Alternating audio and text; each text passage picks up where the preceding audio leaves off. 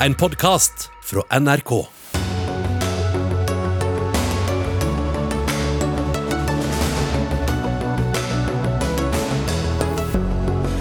Koronatiltakene strammes inn for alvor. Nå bør vi ikke ha flere enn fem gjester på besøk i eget hjem, uansett smitten der du bor.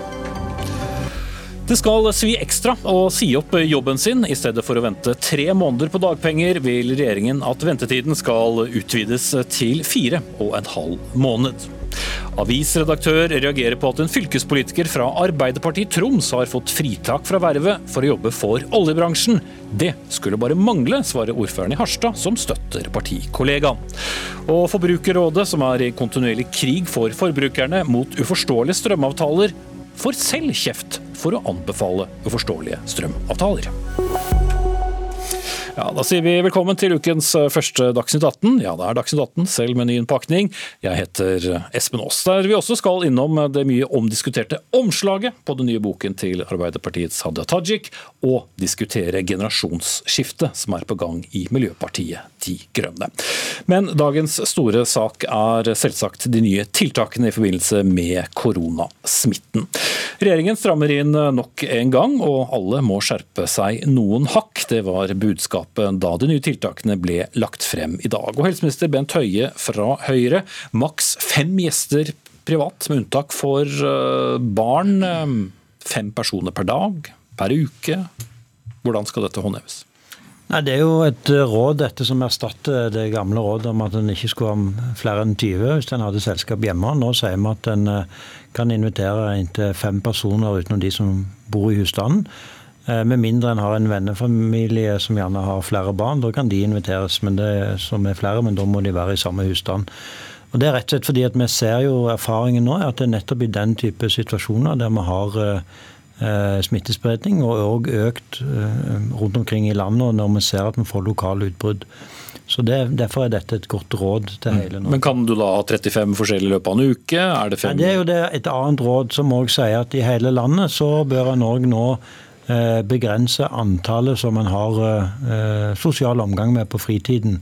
Så Derfor er det ikke lurt å ha fem nye gjester hver eneste kveld. Nå er det jo veldig få som har det. Jo, jo, men bare for å forstå grenseoppgangen her. men, men, men generelt råd til oss er at nå bør vi liksom tenke gjennom at vi gjerne har en liten gjeng venner som er de vi holder oss med, og ikke hele veien er sammen med nye folk. fordi Eh, når det er økt smitte i samfunnet, så øker det risikoen for at en blir smittet. Men det er òg sånn at hvis vi er sammen med veldig mye folk, Eh, og vi kommer i en situasjon der vi er smitta, så blir smittesporingen veldig ressurskrevende og tidkrevende. Men ikke noe eh, tak her. altså Du kan i utgangspunktet da uh, ha uh, fem på hvert besøk. Og så er det åpenbart som du sier at folk har ikke gjester sju dager Nei, ikke hvis en følger de nasjonale rådene. For nasjonale råd er å begrense antallet som en har sosial omgang med i løpet av en uke. Og så har vi et råd til de kommunene som har en forhøya smittesituasjon om å sette et tak på ti. Mm, som man gjør i hovedstaden, som, vi skal, som vi skal komme til uh, etter hvert. Men hvorfor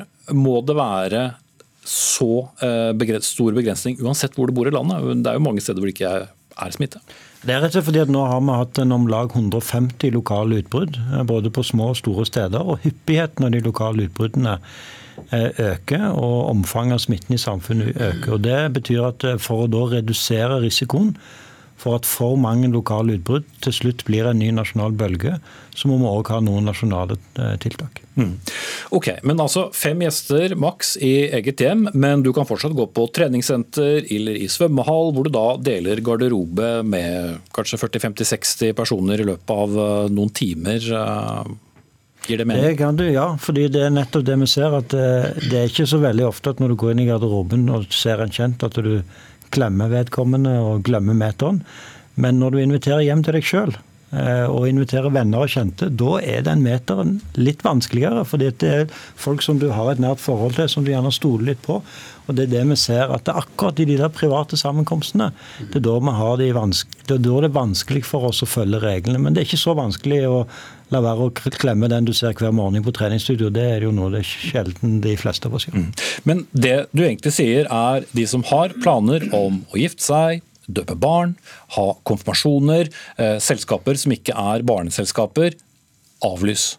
Ja, altså Hvis du har planlagt et uh, bryllup nå som du skal ha utenfor ditt eget hjem, så er det en privat sammenkomst. og Da er den nasjonale grensen uh, 50.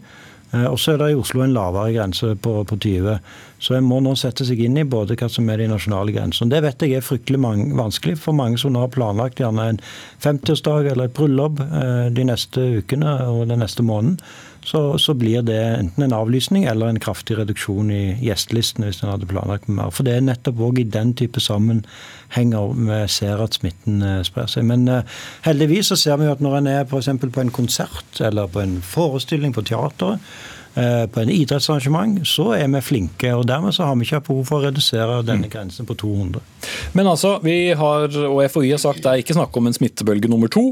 Det vi ser nå er mindre dramatisk enn i mars, men vi iverksetter likevel større inngripen i folks privatliv enn vi har gjort så langt. Ja, Dette er jo et uh, veldig klart råd basert på nettopp ny kunnskap om smittesituasjonen. I mars visste vi ikke så mye om hvor smitten uh, spredde seg.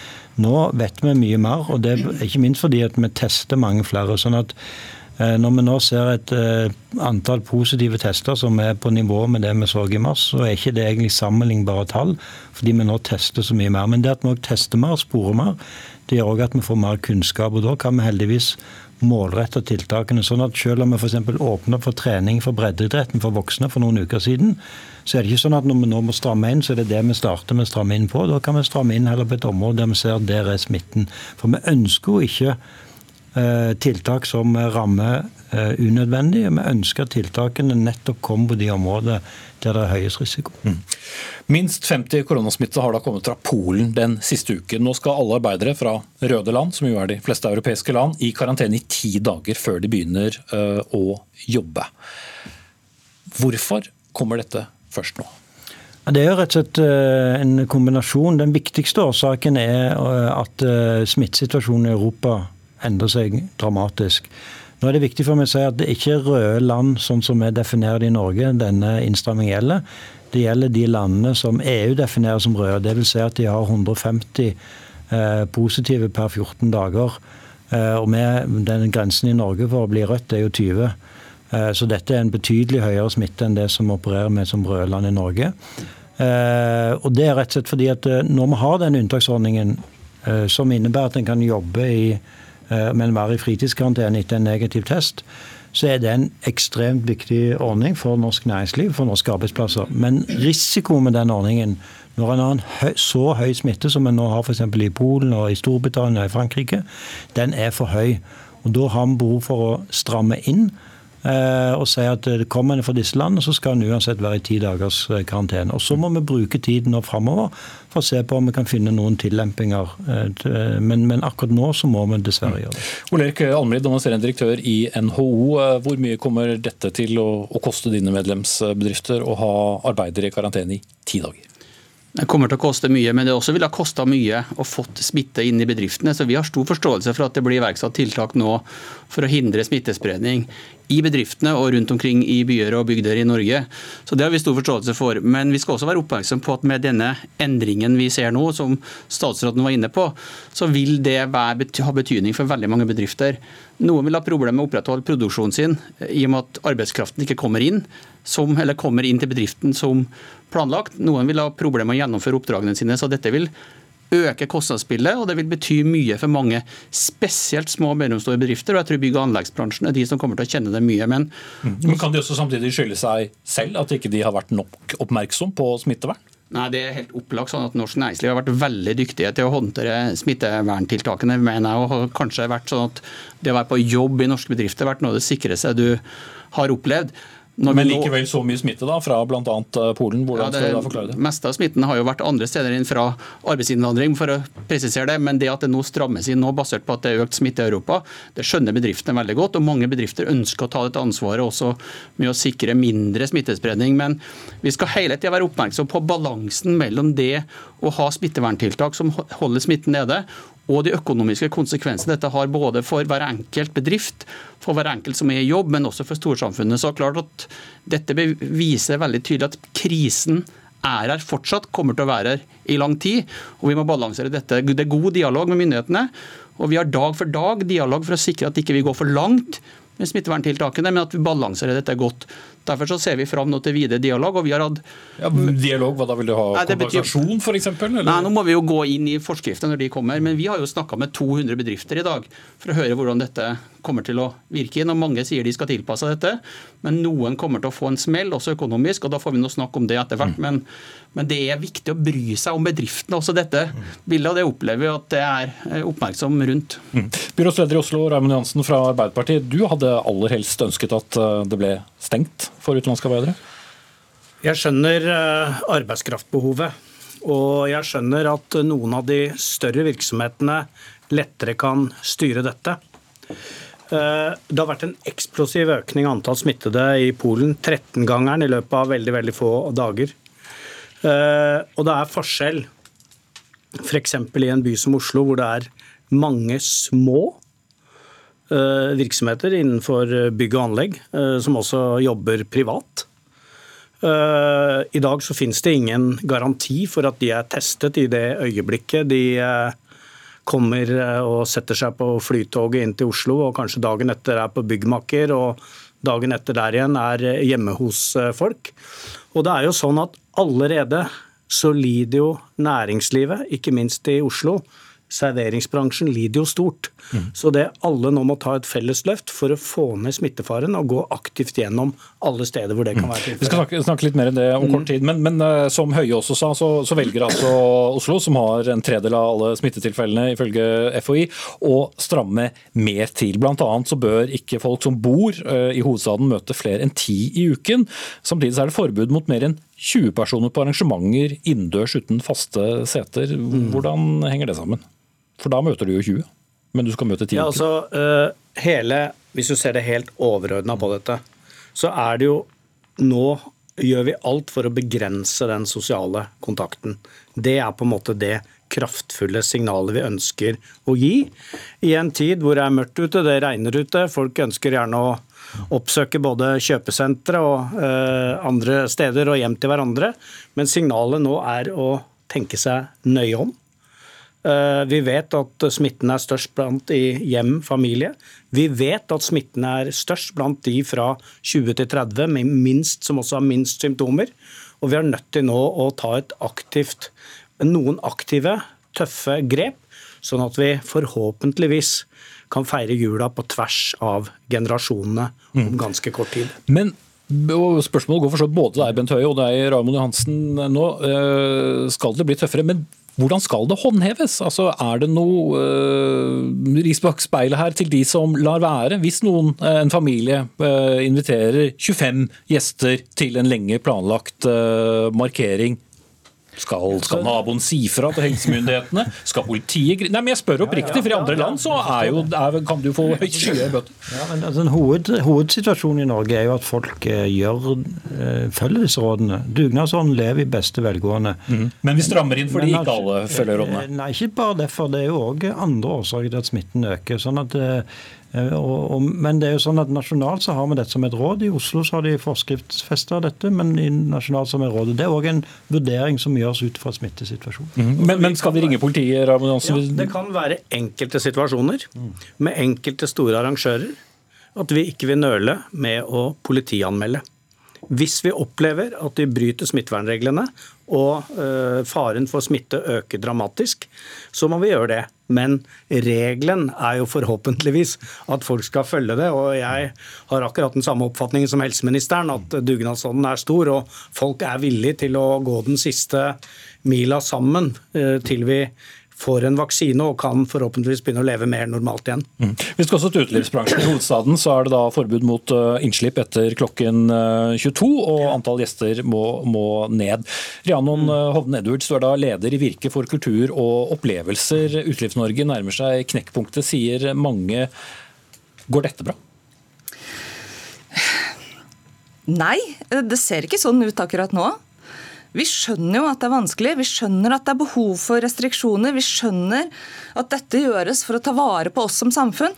Men vi ser jo også at utelivet, kulturlivet, reiselivet, de som lever av å samle folk, det er de som bærer tyngden av konsekvensene av restriksjonene. Og da må også samfunnet stille opp for dem. Fordi at de er Hvordan da? satt i den Altså, nå er det åtte uker igjen til jul. Julebordene kanselleres over en lav sko. Hver gang det kommer en liten restriksjon til, så renner kanselleringene inn. Situasjonen blir stadig vanskeligere, og om åtte uker så avvikles alle kompensasjonsordninger. Det minste man må klare å få til her, er jo en videreføring av kompensasjonsordningen for faste kostnader inn i 2021, sånn at man har én forutsigbar ting å forholde seg til i denne uforutsigbare tiden. Mm. Ja, Raymond Hansen, Dytter du nå mange ut i ledighetskø i serveringsbransjen? Ingen tvil om at eh, det vi gjør også nå er dramatisk. Og jeg har tidligere vært og er veldig imponert over det arbeidet som bransjen har nedlagt for å følge de veldig strenge restriksjonene. Eh, og arbeidsledigheten er stigende. Veldig, vi har høye arbeidsledighetstall. Jeg har tatt initiativ og ønsker å møte næringsministeren for å gå gjennom kompensasjonsordningene. Når bransjen selv sier at det nå vil være lettere å stenge enn å ha enda flere restriksjoner, så er i hvert fall det noe jeg ønsker å se på. Men vi er i en situasjon at det absolutt verste som kan skje for alle, er jo at smitten kommer fullstendig ut av kontroll, som vi har sett nå i europeisk by etter europeisk by, hvor det er lockdown, hvor det er portforbud. Da er vi alle tapere. Og jeg skjønner virkelig i bransjen, du tror meg, at de føler nå at de er utsatt, men da vi skal gjøre et felles løft også mot eh, regjeringen for at vi skal unngå konkurs. og da blir denne bransjen her eh, satt ut, så vil Oslo endre seg som by, fordi vi er så avhengig av at denne bransjen mm. fungerer. Men Kan du berolige Edwards og andre i eh, servicenæringen? Vil dere se en gang til på kompensasjonsordningene som går ut den ene etter den andre nå? Ja, men Det er jo nettopp det vi har gjort. så Derfor har jo regjeringen forlenget kompensasjonsordningen for denne næringen. Eh, etter gode diskusjoner med næringslivsorganisasjonen, og det er vi jo hele veien åpne for å for å diskutere videre. Også ja, for de vil ha den enda lenger? Ja, ja, og det forstår jeg. Men det er jo også sånn at vi her blir vi enige om noe, og så tar vi nye runder etter hvert. Men det som òg er viktig å tenke på, det er jo et alternativ for denne bransjen er jo mye verre.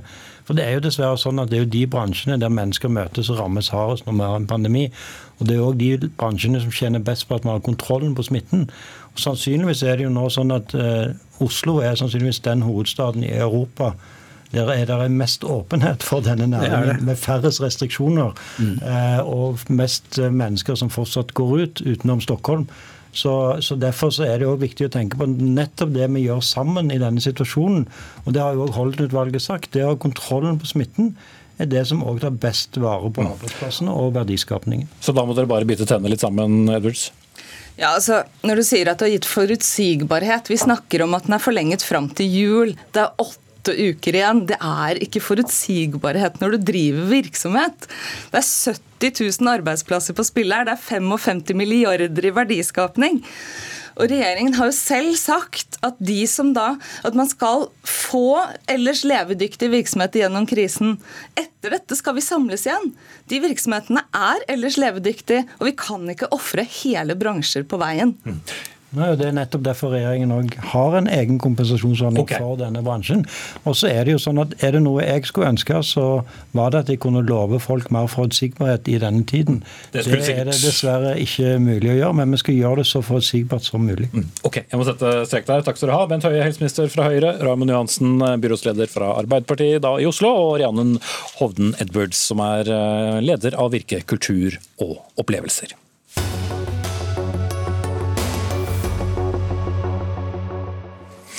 Men eh, vi skal fortsatt uh, snakke om uh, kompensasjonsordninger for så vidt, eller hva du har rett på eller ikke. For dersom du vurderer å si opp jobben din selv, så er det noen ting du bør tenke på. For regjeringen foreslår en ytterligere innstramming på da, ventetiden på, på dagpenger som du skal få dersom du velger å si opp jobben selv. I dag tar det tre måneder, men det er foreslått en forlenging på halvannen måned til. Og Det har fått arbeidstakerorganisasjoner som YS og også partiet SV til å reagere sterkt, skriver Dagsavisen. Men statssekretær i Arbeids- og sosialdepartementet fra Høyre, Vegard Einan, hvorfor, skal, hvorfor er det rimelig at man må vente fire og en halv måned og ikke tre, hvis man har valgt å si opp jobben? Ja, det, her er jo, en ordning som, altså Dagpengeordninga er jo en forsikringsordning for de som faller ut av arbeidslivet. Og Den er jo ment å være beregna på de som, som uforskyldt havner utenfor arbeid, og som er et sikkerhetsnett i tida mellom, mellom jobber. Eh, og så vet vi at det er en del som, en del som sier opp uten rimelig grunn. En del som Og rimelig grunn, bare for å ta det med en gang. For hvis du ikke har det noe bra på jobben, hvis du mobbes av en sjef, hvis du tenker at ikke du kan fortsette, Altså og da det, sier opp, Er det en rimelig grunn? Ja, så er det en rimelig grunn til å, til å si opp. Altså Hvis man har eh, arbeidsforhold som, som gjør deg syk, eller som, som, er på den måten som du beskriver, så er det en rimelig grunn.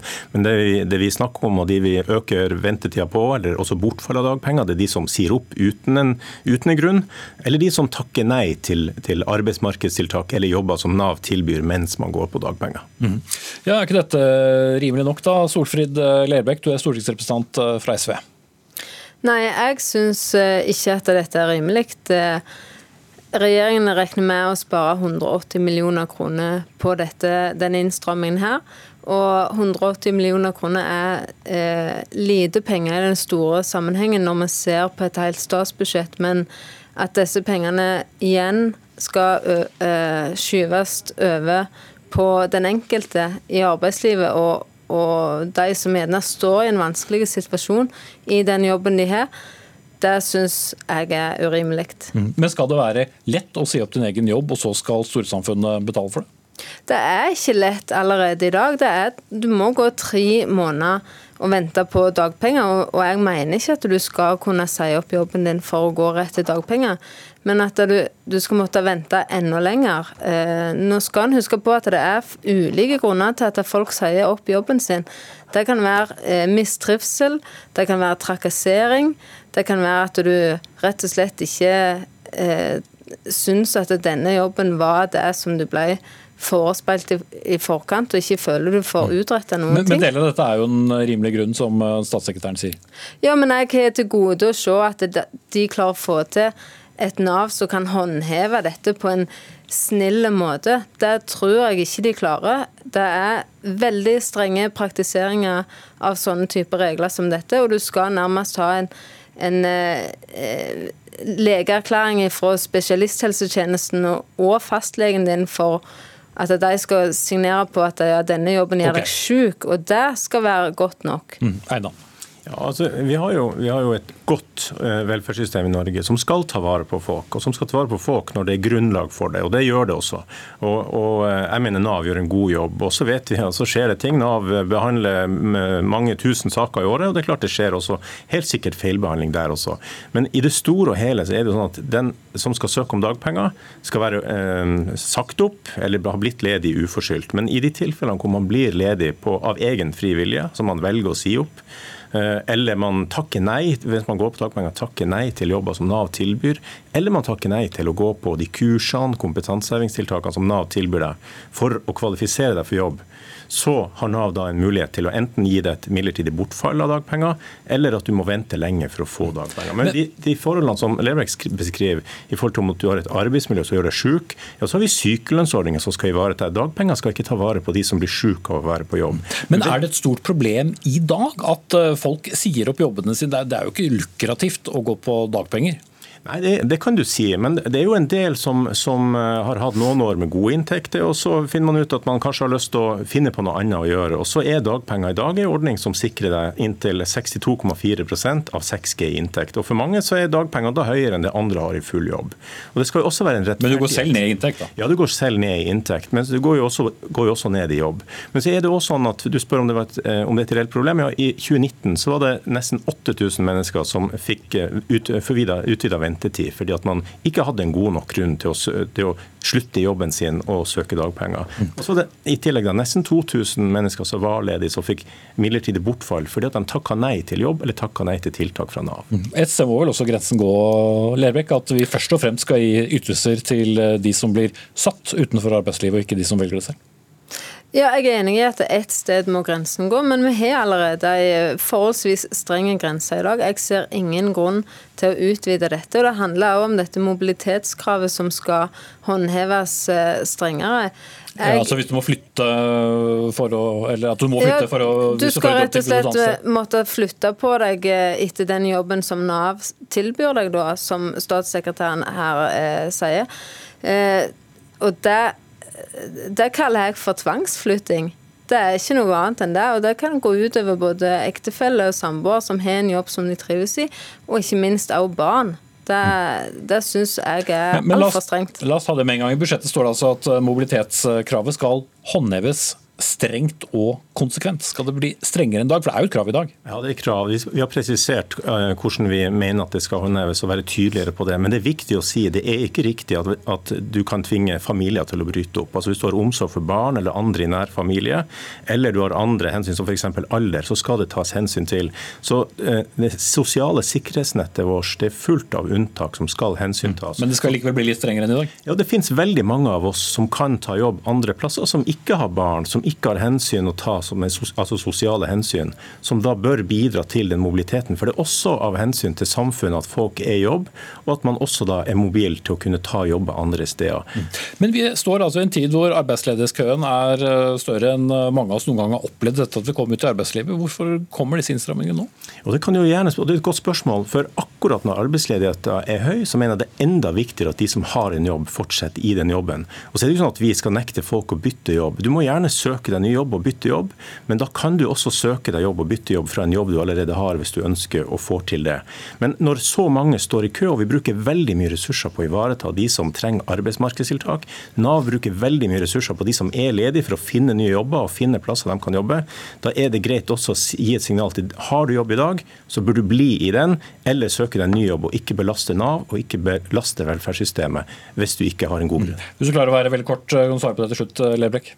Jeg mener at regelverket er strengt allerede i dag, og det er en klar eh, signal i budsjettet her at, at det skal håndheves strengere. Så det er, dette her er en tydelig innstramming. Ja, likevel var det drøyt 5% i fjor som ikke hadde en god Ok, men da var det litt jeg hadde tenkt å slutte med. Takk skal dere ha begge to. Solfrid Lerbrekk, stortingsrepresentant fra SV, og Vegard Einan, statssekretær i Arbeids- og sosialdepartementet fra Høyre.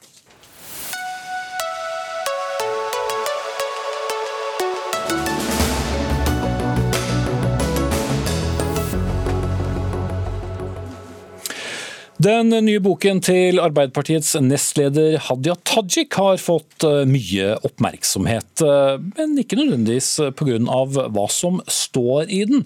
Nei, for bildet utenpå har skapt mye debatt, særlig i sosiale medier gjennom helgen. For der sitter forfatteren bredbent i en betongtrapp i en sjøgrønn buksedress med åpen jakke og en svart blondetopp på innsiden. På bena sko med stiletthæler. Og dette bildet skrev du følgende om, Karoline Holmbo Høibo, fakultetsdirektør ved Universitetet Stavanger, i en kronikk i Stavanger Aftenblad lørdag. Du skrev dette rålekre fotografiet av Tajik Logic skal ikke selge sminke eller klær, men lokke oss inn i ei bok som starter med 50 sider om hvor viktig det er med fagforeningsarbeid. I så måte er det feminiserte og seksualiserte portrettet sterkt malplassert. Og så har debatten tatt fyr, for å si det mildt. Men hva er det problematiske med dette bildet? Nei, altså Jeg ønsker jo at eh, kvinner skal ha reell frihet eh, til å kle seg nøyaktig sånn som de vil. og Det er derfor det er viktig å diskutere dette bildet, slik bildet er brukt i denne konteksten. Eh, for det er ikke tilfeldig. Altså En ønsker jo å kommunisere noe med dette bildet. Og da er det interessant å se hva assosiasjoner bildet gir. Og hva, hva, forventninger bildet gir til den teksten som kommer etter, øh, etter, omslaget. Men Mener du at det er en ufri forfatter da, som er puttet inn i en ja, da, seksualisert rolle på dette bildet? Ja, Det er jo konteksten her som er helt avgjørende. Eh, for bildet i seg selv er nydelig og ville passe utrolig godt eh, i veldig mange andre sammenhenger. Eh, men i denne sammenhengen så syns jeg det er viktig å, å å, se på om det er noen eh, strukturelle rammer eh, i vårt samfunn som, som, begrenser den reelle friheten til å kle seg nøyaktig sånn som man vil. Um, så hun har ikke kledd seg som hun vil, da, slik du leser det bildet? Hun uh, kan godt hende uh, at hun har kledd seg sånn som hun ønsker. Men når jeg har lyst til å diskutere dette, her, så handler det om at jeg vil åpne opp uh, vil ha frihet til at kvinner skal kunne de skal pynte seg, men at de ikke skal måtte pynte seg for å bli hørt. Mm. Eh, Hadia Tajik kunne ikke delta her i kveld selv. Hun skriver et svar i Stavanger Aftenblad til deg at det du skriver er vrøvl fra ende til annen, og at det hadde vært lettere å skjønne om anklagene kom fra en litt konservativ pakistansk mann, så du kan jo eh, ta med deg det. Men, men la oss diskutere bildet på de premissene. Hva er det det signaliserer? Og så skal du få et uh, motsvar fra, fra studio her nå. Ja. Nei, altså Når jeg eh, leser bildet, så, så gir jo det meg assosiasjoner til eh, motemagasiner eller lettere lektyre. Eh, og det står ikke i forhold til det viktige politiske budskapet som Hadia her kommer med i boka si. Det er utrolig godt skrevet bok, det er politisk bok, Det er viktig eh, innslag i debatten.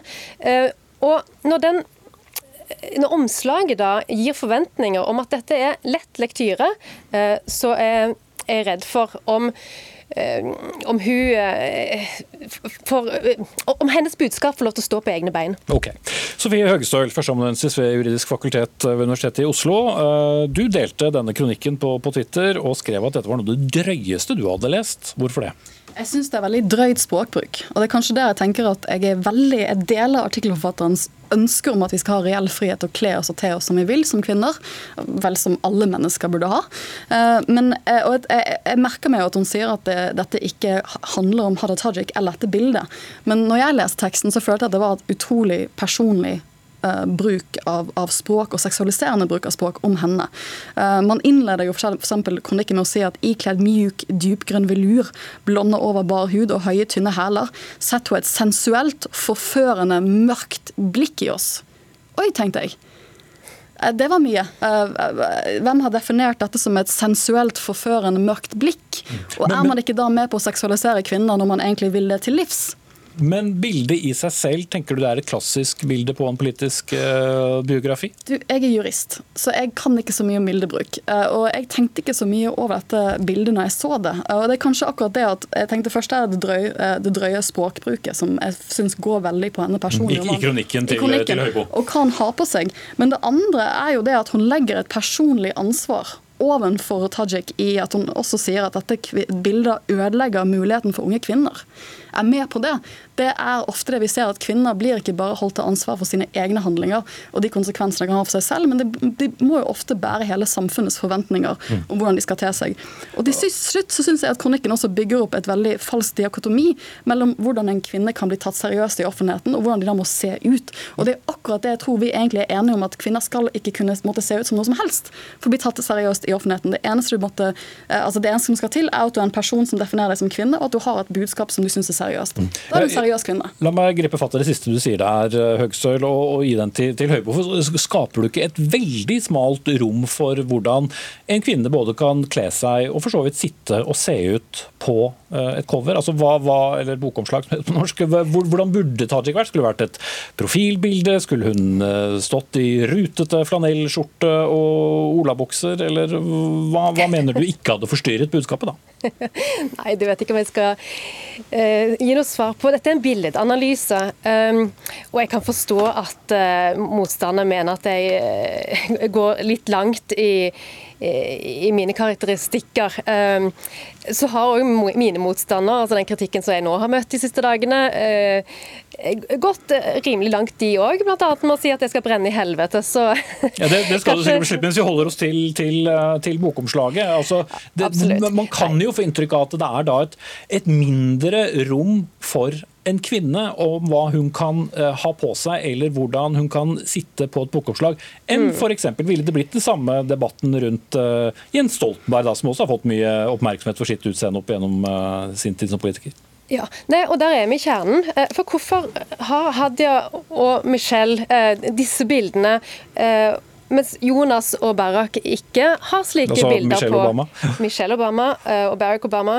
Um, altså, hvorfor må disse kvinnene eh, bruke denne typen bilder, og ikke eh, menn det er rimelig å sammenligne de med? Eh, det sier jo noe om, om, de samfunnsmessige strukturene og de samfunnsmessige maktforholdene. Og, og um, jeg tenker at opinionsledere har en mulighet til å, å flytte disse grensene, åpne opp dette rommet. og det er den debatten. Jeg tenker, jeg håper virkelig at denne debatten nå kan bidra til det. Til å åpne opp kvinners okay. mulighet til å bli hørt på like vilkår som menn. Men er det debatten, Høgstøl? Ja, altså jeg tenker at eh, Målet må jo ikke være at kvinner skal se ut som menn. Det er litt uklart for meg hvorfor Jens Stoltenberg og Jonas Gahr Støre er to personer som Hadia Tajik skal se ut som. Eh, reell frihet handler jo om å se ut som seg selv, og at det er godt nok. Eh, og Jeg tenker jo at eh, jeg husker tilbake til en tid hvor Jens Stoltenberg som cirka var ungdomspartileder. Da stilte han opp i noen ganske flørtende bilder. Justin Trudeau stilte opp i noen ganske flørtende bilder i sin tid. Og det har vi ikke et problem med Den kanadiske statsministeren. Det har vi ikke et problem med for menn. For vi anerkjenner at en mann kan se litt flertende ut og også være ganske intelligent. Problemet er at den kortslutningen kommer til når vi snakker til kvinner, at det kan ikke en kvinne tydeligvis være i offentligheten. Mm. Og det er jo også, jeg vil jo ikke si at dette bildet er seksualisert. Så jeg er uenig i det premisset. Mm. Men blir det egne regler for kvinner, og blir det enda litt egne regler for kvinner som, som ser eh, bra ut? Unnskyld, nå mista jeg lyden. Ja, som jeg hører meg nå. Altså, blir det, Kommer vi dit hen at vi får egne regler for hvordan kvinner kan se ut, og kanskje enda et sett regler for kvinner som ser godt ut? Ja, Det er det jeg vil til livs. da. Altså, Det må være lov til å pynte seg, men det må være òg lov til å, la være. Um, men jeg tenker at en kvinne kan ikke en, på en og samme tid måtte representere det å pynte seg litt og så ikke pynte seg samtidig. Man må jo være seg selv. Jeg tenker at Det fine i norsk politikk vis-à-vis amerikansk politikk er at vi har et bredde med kvinner i offentligheten som pynter seg, ikke pynter seg, uh, altså ser forskjellig ut. Det er sånn det skal være. Vi skal, jeg er helt enig, vi skal brette ut det rommet, men det gjør vi ikke ved å si at det å stille opp i en grønn bukse er seksualisert. Mm. I alle fall har vi diskutert enda mer hvordan denne boken ser ut enn hva den handler om. Takk skal dere ha begge to. Karoline Holmbo Høibo, fakultetsdirektør ved Universitetet i Stavanger, og Sofie Høgestøl, førsteamanuensis ved Juridisk fakultet ved Universitetet i Oslo. Mer eh, politikk nå. For er det greit at en sentral, eh, betrodd folkevalgt eh, går fra politikk til lobbyisme på 144 dager? Ja, Det spørsmålet stiller redaktøren i avisen i Tromsø, etter at fylkespolitiker fra Arbeiderpartiet, Sigrid Ina Simonsen fra Harstad, nylig annonserte at hun forsvinner fra politikken. For Nettopp 144 dager etter at eh, det var fylkestingsvalg, har hun søkt fritak for resten av fireårsperioden, fordi hun først takket ja til en kommunikasjonsjobb i energigiganten Equinor, men så byttet hun stilling og går til interesseorganisasjonen Norsk olje og gass som lobbyist, eller korridorpolitiker om man vil. Og Det er du som eh, har kalt dette for problematisk. Martin Legeland, redaktør i, i Tromsø. Hvorfor blir det så vanskelig? Ja, Det er jo svært problematisk fordi at du har eh, søkt makt som folkevalgt i to organer, både i kommunestyret og i eh, fylkestinget i Troms og Finnmark. Eh, og så på rekordkort tid, etter du har søkt og fått den tilliten fra velgerne, eh, trer ut av eh, de organene før perioden, i god tid før perioden er over, for å skulle påvirke de samme organene. Eh, og de samme politikerne du har gått til valg på eh, som politikerne gått til valg sammen med. Eh, det er veldig problematisk eh, fordi at du da ikke forholder deg til de pliktene du har som folkevalgt. Eh, du nyter kun godt av rettighetene. og Man får inntrykk av at politikken eh, er blitt et slags karriereløp hvor du kan bruke folkevalgtstillinger som et springbrett videre i karrieren. Mm. Og så er det også problematisk fordi at konsekvensen av det her er at Harstad har nå ingen Eh, representasjon på fylkestinget fra Arbeiderpartiet. Harstad sitter ikke lenger ved forhandlingsbordet når viktige beslutninger skal fattes av det største partiet på fylket, når det kommer til samferdsel, skole, store kuttrunder som nå skjer på, skjer på fylket. Eh, og det kan Harstads befolkning takke Sigrid Ina Simonsen for. Mm. Simonsen hun ønsket ikke selv å møte deg i Dagsnytt 18, eh, Martin Legeland, men Karianne Oppsal, som er ordfører i nettopp Harstad, du takket ja til å være med, og du støtter henne og reagerer på på Legelands eh, kommentar. Eh, hvorfor skal ikke de som har valgt en, en folkevalgt, tenke at hun faktisk eh, blir værende? Altså, det er ikke vanskelig å støtte legene i forhold til den type utfordringer generelt. At etter hvert valg så har man folk som hopper av Eh, ganske fort og tidlig i perioden. Det skjer i alle kommunestyrer, og det skjer, i, det skjer i, i, i, alle fylkesting. Og Da er det jo bra at vi i Norge har et system hvor man velges i forhold til parti, og ikke sånne personvalg. Mm. Men når det gjelder denne saken generelt, så syns jeg han han bommer kraftig. Hvordan da? Eh, og, og, For meg så lukta det mer, at, uh, mer av at, uh, at, det er irritasjon over at, at uh, hun representerer nå et interesseorgan for, for petroleumsnæringa. jeg tror ikke han hadde skrevet det samme om hun hadde gått til, til, Røde Kors. Og Hvis han var så fryktelig opptatt av det her, hvorfor skrev han ikke dette for et halvt år siden når hun fikk permisjon, men tar det opp som et problem nå når hun har gått inn i en ny jobb. Så, svar på det, Legland. Er det næringer som liker bedre enn andre? Det kan jeg godt svare på hvorfor jeg ikke skrev for et halvt år siden. Eh, da tipsa jeg Harstad Tidende, som jo dekker Harstad-politikken, om å skrive der. De valgte ikke å lage noe kritisk journalistikk eh, på det. Eh, når da anledninga bøy seg igjen, så tenkte jeg at det var på sin plass å adressere det her. Og så er det sånn, selvfølgelig er det mer problematisk når du skal representere en lobbyorganisasjon opp mot de her organene du tidligere har representert. Det er veldig problematisk, være seg om det er olje, eller om det altså Uansett hvilken, eh, hvilket felt, så lenge det er opp på de samme organene du har blitt valgt for å representere. Eh, så Det syns jeg er merkelig påstand fra Harstad-ordføreren. Og så syns jeg også at Harstads ordfører tar forsvinnende lett på det skillet som nå viskes ut mellom politikk og PR, med hennes velsignelse. Det syns jeg er vanskelig å forstå. Det tror jeg altså velgerne vil ha vanskelig for å forstå. Svar på det, Oppsal. Ja, nei, altså Jeg må jo bare svare på det og si, uh, og si at uh, politikk er heldigvis en av de få plassene hvor, uh, hvor unge kvinner i, med forskjellige utfordringer kan gå litt ut og innad uten å måtte gjøre en jevn karriere. Har man en større belastning med barn hjemme en periode, så kan man være ute en periode for så å komme tilbake igjen Men dette handler jo ikke om det. I dette tilfellet så var det sånn at kabalen, når den ble lagt etter at, at de, to nye, de to fylkene ble til ett fylke, så var det ikke plass eh, til Sigrid Ina Simonsen i en heltidsstilling. Og Da opptredde hun åpent og redelig og sa at det kan ikke være på den ene sida 50 eh, eh, folkevalgt og pendle til Tromsø, og på den andre sida jobbe i petroleumsnæringa. Så det syns jeg det var ryddig. Okay. Harstad er jo også en, en, en, oljeby da i nord. Er det bra for Harstad at dere får en av deres egne sentrale politikere inn i Norsk olje og gass? Vet du, jeg tenker at eh, sånn som, sånn som eh, opinionen er blitt i forhold til olje og gass, og dette er en av landets viktigste næringer. Jeg syns det er fint at det, at det, er folk som enda tør å snakke om denne viktige næringa. Og, eh, og, det er forsvinnende få i det offentlige ordbildet nå som tør å snakke om en så viktig næring. Så selvfølgelig er det, det er viktig for oss. Og så syns jeg det er rørende omsorg fra, fra journalisten i Tromsø som ja, jeg, tror jeg har sett han én gang her, og han har omtalt Harstad én gang i løpet av eh, de fire siste årene i politikken. Så det, det, er jo artig. Helt til slutt, Legland. Legeland, var det først da Harstad var viktig nok å, å skrive om? Jeg syns det søkte påstander som kommer fra Karianne Oppsal her, eh, og den begrunnelsen som brukes for å velsigne denne overgangen fra politikk til PR, jeg syns det fremstår som Sigrid Ina Simonsen, en politiker som ikke har spurt hva hun kan gjøre for innbyggerne i, Troms, eh, i Harstad og i Troms og Finnmark, men en politiker som har spurt hva politikken kan gjøre for seg og sin karriere.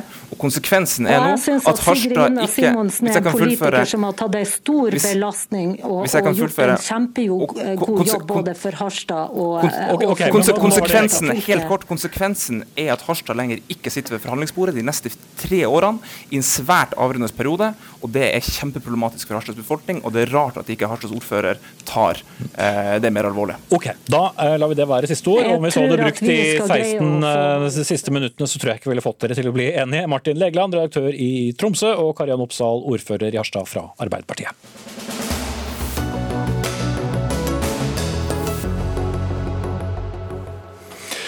I disse dager så nominerer de forskjellige partiene sine lister hvem som skal eh, stå på den når det gjelder neste års stortingsvalg. Og på lørdag så ble det kjent at eh, Rasmus Hansson, en av de store profilene fra Miljøpartiet De Grønne, trekker seg fra prosessen i hovedstaden. Ifølge Hansson var det en forutsetning at, skulle, at da han eh, skulle stille som kandidat, så skulle han stå på en sikker andreplass. Og da det ikke ble det slik, så ønsket han ikke å stille, og han ville ikke gå til en kampvotering mot sin partikollega Hulda Holtvedt, som vi kjenner fra holdt på å si Miljøpartiet De Grønne junior, men Grønn ungdom heter det faktisk. Eh, men eh, vi ser altså et slags eh, skille her da fra eldre politikere som gir plassen sin til de unge. Og Birte Simonsen, fylkespolitiker for MDG i Agder. Du var med på å stifte MDG i 1988 og er jo da en veteran. Hva sier du til at en såpass sentral politiker som, som Hansson trekker seg fra stortingsvalglisten? Nei, Jeg syns det var veldig trist at han gjorde det, for jeg tenker en liten kamp mellom disse to veldig flinke politikerne kunne partiet godt tåle. Og begge hadde jo gode alternativer hvis de hadde gått uh, tapende ut av, av, den kampen. Så jeg syns jo bare de skulle ha blitt på plass begge to til nominasjonsmøtet hadde avgjort dette. Men du sa jo også nei til en kampvotering om førsteplassen på Agder-listen til fordel for en ung eh, kandidat. Det var å strekke det veldig langt, da. For det har stått så mange ganger på toppen at jeg sa denne gangen kan noen andre gjerne stå. Så det var ingen kamp. Mm. Hulda Oltvedt, nasjonal talsperson i eh, Grønn Ungdom, ikke MDG junior. Eh, den som Rasmus Hansson trakk seg for, altså. Hvordan reagerte du på det? Var det litt sånn du pustet godt ut? Jeg ble overrasket, fordi jeg hadde både grua og gleda meg til det som jeg trodde kom til å bli en veldig jevn avstemning på nominasjonsmøtet. Men jeg syns det var veldig gamet av ham å gi plassen til meg, da. Og jeg er jo supermotivert for å mobilisere masse folk for å forandre klimapolitikken i Norge på Stortinget. Ja, og vi hørte deg i Politisk her i forrige uke, hvor du forklarte altså, Du mente selv at du er en, en, en bedre kandidat til andreplassen da, i, i Oslo enn en, en Hansson. Men er du en veldig annerledes politiker? For bl.a. er ikke du så opptatt av blokkuavhengigheten som MDG har i dag. Du vil f.eks. ikke samarbeide med Høyre. Jeg mener ikke at jeg er en bedre kandidat enn Rasmus. Jeg mener at jeg er en annerledes kandidat, som du også sier. Vi er uenige om vi skal åpne døren for Høyre, bl.a. Grønn Ungdom har vedtatt at vi ønsker at de Grønne skal peke på venstresida eh, og garantere at vi skal kaste Erna Solbergs regjering. Så der er jo, Det er et punkt hvor vi skiller oss fra MDG. Og jeg er også annerledes på den måten at jeg har vokst opp på 2000-tallet og har erfaring fra det unge klimaopprøret, som også tror jeg har inspirert veldig mange i alle aldre til å stemme grønt. Og nå har jeg lyst til å målbære det klimaopprøret på Stortinget og jobbe fram radikal og rettferdig miljøpolitikk. Mm. Eh, Simonsen, ser du for deg at partiet, som du da har vært med i siden 1988, og sånn sett eh, før Holtveit ble født, da, eh, kommer til å endre seg mye ved at det kommer flere unge mennesker høyere opp på nominasjonslistene, og kanskje også blir valgt inn på Stortinget? Det er jo kjempeviktig at vi har folk i alle aldre på alle plasser på nominasjonslistene. Og de unge er jo en styrke, det er jo de tross alt som skal ta partiet videre. Men jeg opplever ikke at det er noen form for kamp mellom generasjonene her. Vi står jo sammen om dette som Hulda nå beskrev, om klima- og miljøpolitikken. Men det er klart alle partier bør være oppmerksom på at vi skal tale til alle aldersgrupper, og derfor ha, partier, ha eh, kandidater i alle aldersgrupper. Mm. Nå har jo gruppe MDG-veteraner og fylkesledere ifølge VG da skrevet en appell til dere partiet der de sitat, frykter å miste både velgere og frivillige hvis målgruppen bare skal være de unge, urbane og radikale. Hvordan eh, tolker du dette oppropet? Jeg har jo ikke sett dette oppropet, men jeg har jo heller ikke hørt hvor mange det gjelder. Jeg kjenner meg ikke igjen i at dette skal være nødvendig å lage noe opprop på denne saken, eller på lignende saker. Mm. Men Hultet, er det ingen uh, grønn generasjonskonflikt mellom uh, dere som ja, f.eks. er i begynnelsen av 20-årene, eller de som befinner seg i en annen del av livet, slik f.eks. Vega skrev om?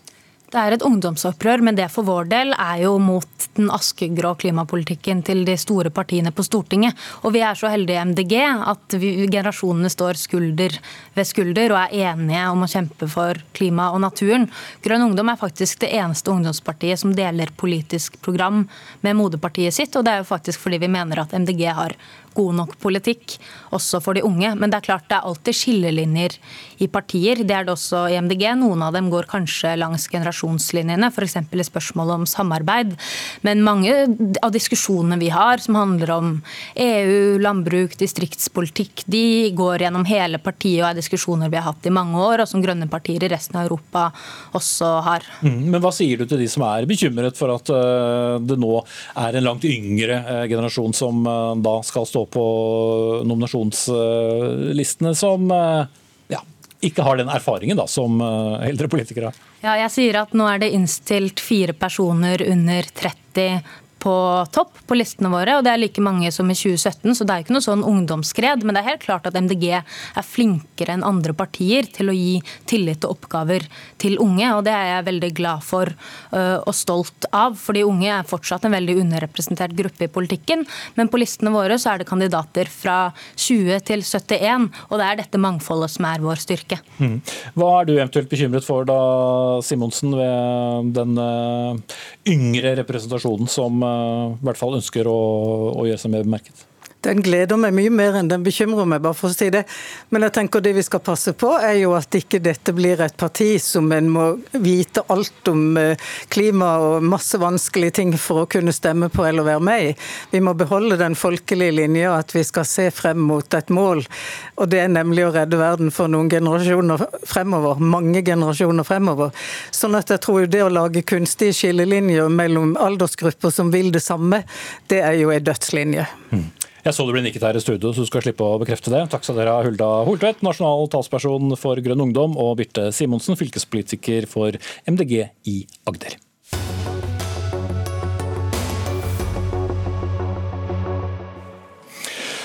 Hva det faktisk koster å inngå en strømavtale, ja det er jo ikke for alle å forstå. Eh, dermed gikk også Forbrukerrådet ut i forrige uke og klaget inn hele 29 selskaper til Forbrukertilsynet fordi de mener de driver med prisjuks. Men nå får Forbrukerrådet selv kritikk av redaktøren i energifagbladet NROE, Anders Li Brenna. Du beskylder Forbrukerrådet for selv å villede strømkunder gjennom en kommentarartikkel via sine egne tjenester. Forklar. Ja, Forbrukerrådet har en eh, forbrukerportal som heter strømpris.no, og der har de satt opp de beste strømavtalene.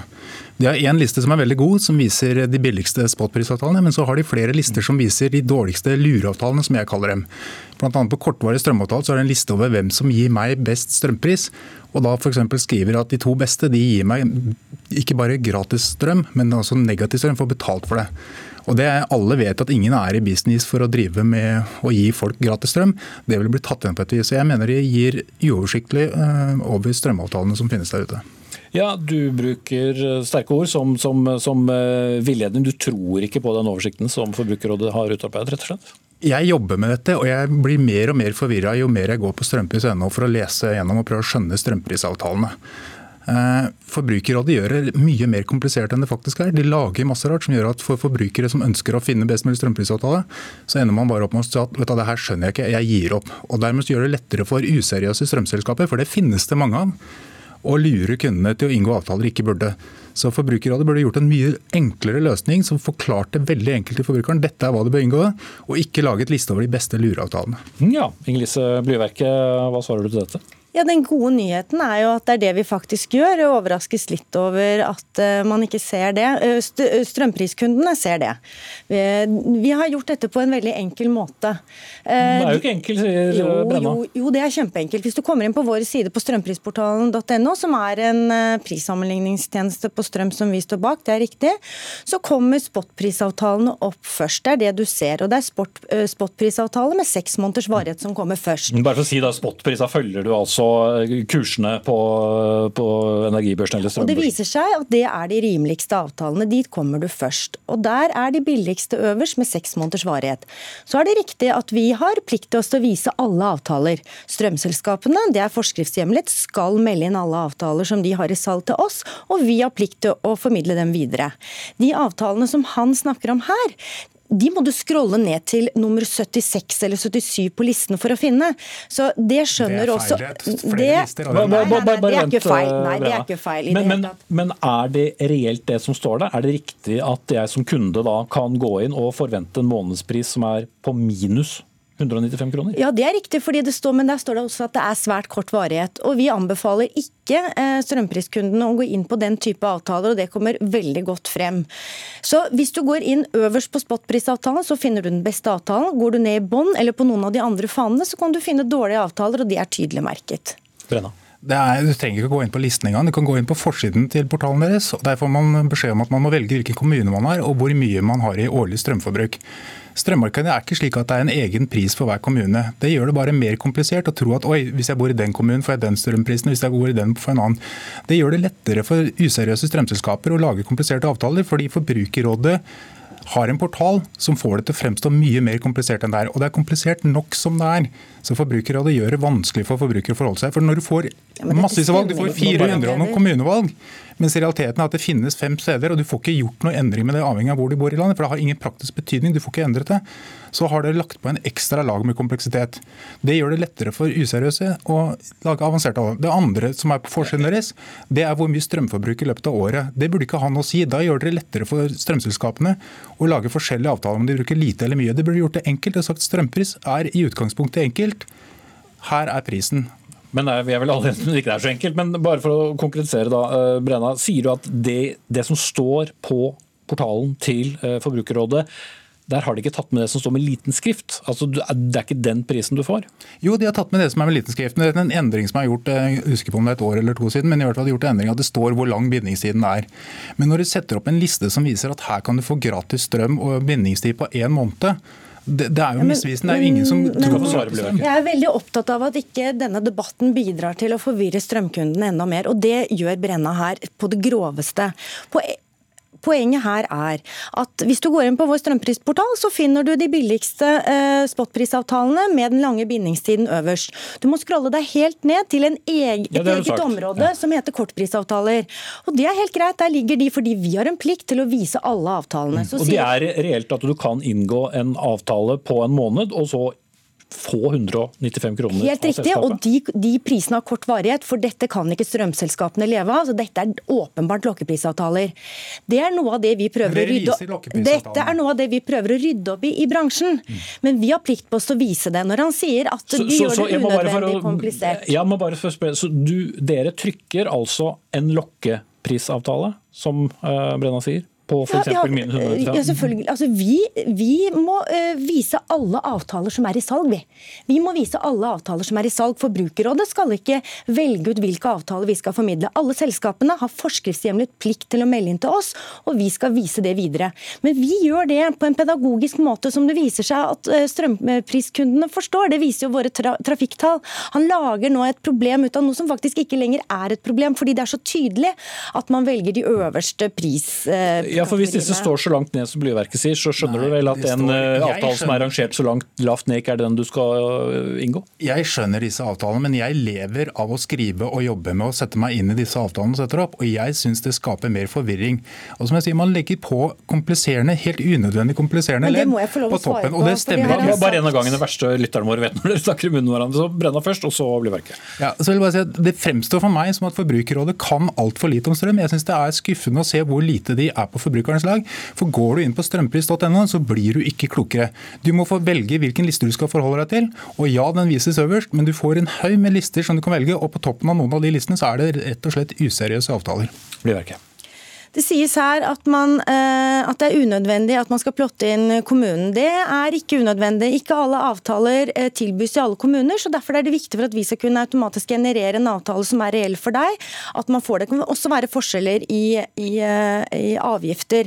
Det er helt tydelig på vår oversikt hva som er spotprisavtaler og hva som ikke er det. Vi er helt tydelige på at spotprisavtaler er det beste alternativet, men vi har en plikt til å vise alle avtaler. De dårligste avtalene ligger nederst og det er i tillegg sånn som innkjøpsprisavtaler, som er de vi mener er ulovlige og vi klaget inn i forrige uke, de er merket med rødt. Det mm. Så det er lett å forstå avtalene? Definitivt. Og det viser seg jo også at eh, strømselskapene nå eh, har skjønt hva det er vi har snakket til dem om. Så de forstår den, og de har nå nærmere halvparten av de avtalene vi klaget inn, er nå fjernet. Fordi de faktisk forstår at strømprisportalen viser det den skal vise, og gjør det enklere å være en strømpriskunde. 20 sekunder igjen, Brenna. Hvis vi ikke skal gå til Forbrukerrådet for å forstå hvilke avtaler vi skal gå og inngå? Hvor skal vi finne Gå for spotprisavtale med lavest mulig påslag. og Forbrukerrådet burde satt opp en oversikt om hvem som har holdt lavest mulig overslag, eh, påslag over lengst mulig tid. Men det er veldig dumt å gjøre å se bakover i tid, for det viser seg at noen av de som hadde lavest eh, pris i fjor, ikke ligger inne blant eh, de ti øverste i år. Så det er veldig dårlig. Vi prøver heller å se fremover de som har seks måneders bindingstid. Okay. Inger Lise Bløverk, direktør i Forbrukerrådet. Anders Li Brenna, ansvarlig redaktør for NRV. Vi setter strek der. Jeg vet ikke om dere ble kloke der eh, hjemme. Dere får finne ut av det. Anne Katrine Førli var ansvarlig for sendingen. Stein Nybakk tok seg av tekniske. Jeg heter Espen Aas.